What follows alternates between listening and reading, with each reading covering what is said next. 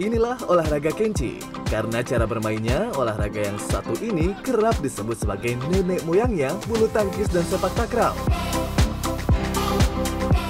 Permainan ini berkembang sejak abad kelima masa dinasti Han. Permainan dilakukan pada lapangan dengan pembatas seperti net bulu tangkis. Para pemain kenchi harus mempertahankan bola kok tidak menyentuh tanah menggunakan kaki. Ya, karena menggunakan kok seperti bulu tangkis, olahraga kenchi juga dikenal dengan sebutan sepak bulu angsa. Tentu ada perbedaan antara kok bulu tangkis dengan kenchi.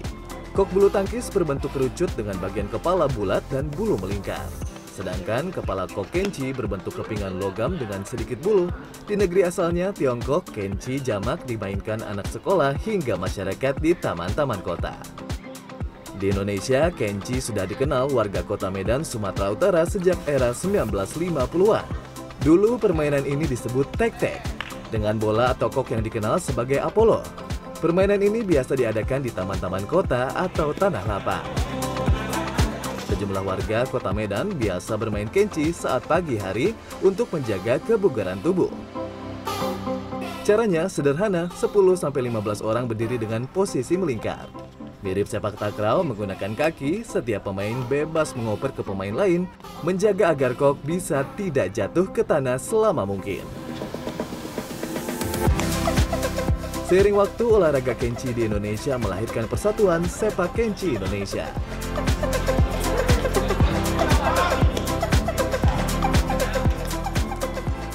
Ini permainan apa dan apa standarnya, Pak? Oke, jadi permainan ini disebut oleh uh, Senchi atau Kenchi.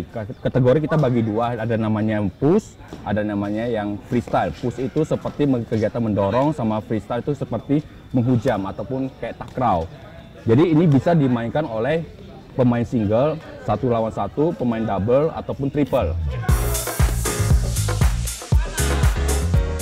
Sejak 2007, beberapa komunitas kenchi mulai bertransformasi jadi klub kenchi di Medan. Mereka mengadopsi berbagai regulasi yang ada. Tamrin Club Kenchi, salah satu klub tertua di kota Medan, memiliki tiga lapangan latihan dan pertandingan sendiri. Puluhan anggotanya setiap hari bermain dan berlatih tanding. Nah, awalnya kita semuanya main Apollo, ya. Nah, setelah itu berkembang ke permainan net, ya sampai sekarang. Meski begitu, sejumlah klub juga giat berlatih di taman kota, salah satunya Konco Kenchi Tamani. Klub ini setiap hari berkumpul dan bermain di Taman Ahmad Yani Medan. Selain latihan, bermain di tempat terbuka, sekaligus memperkenalkan permainan ini pada halayak umum agar penggemar Kenchi terus bertambah. setiap hari uh, minggu tetap main Uh, kalau uh, komunitas di Ke- Kenchi Tamani ini kurang lebih ada 30 orang setiap hari bergantian main ada yang free ada apa Uh, dan di Medan sendiri itu juga banyak klub-klub lain yang uh, ada di berbagai tempat Dari delapan klub Kenchi yang ada di kota Medan telah menelurkan pemain-pemain yang siap bertanding dalam kejuaraan nasional hingga internasional baik pemain senior maupun usia dini. Dari pagi dari jam 6 sampai jam 8, jam 9. Tiap hari ada latihan dan kita ada tambahkan lagi untuk orang-orang yang bekerja. eh, kita main hari Selasa dan Kamis itu sore dari jam 5 sampai jam 8, jam 9 gitu. Dari SD 3 udah belajar, cuman ada berhenti sebentar. Seminggu sekali saja. Roda kompetisi sepak Kenchi terus bergulir. Kenchi tak hanya sarana untuk menjaga kebugaran tubuh, tapi juga telah dipertandingkan secara internasional. Sayang, pemerintah belum turun tangan ikut mengembangkan olahraga tradisional asal Tiongkok ini, padahal olahraga ini potensial dijadikan pertandingan eksibisi pada Pekan Olahraga Nasional ke-21 yang akan diadakan di Sumatera Utara dan Aceh pada 9 September 2024. Nah, ini permainan yang sudah lawas, dulu dikenal dengan permainan tek-tek.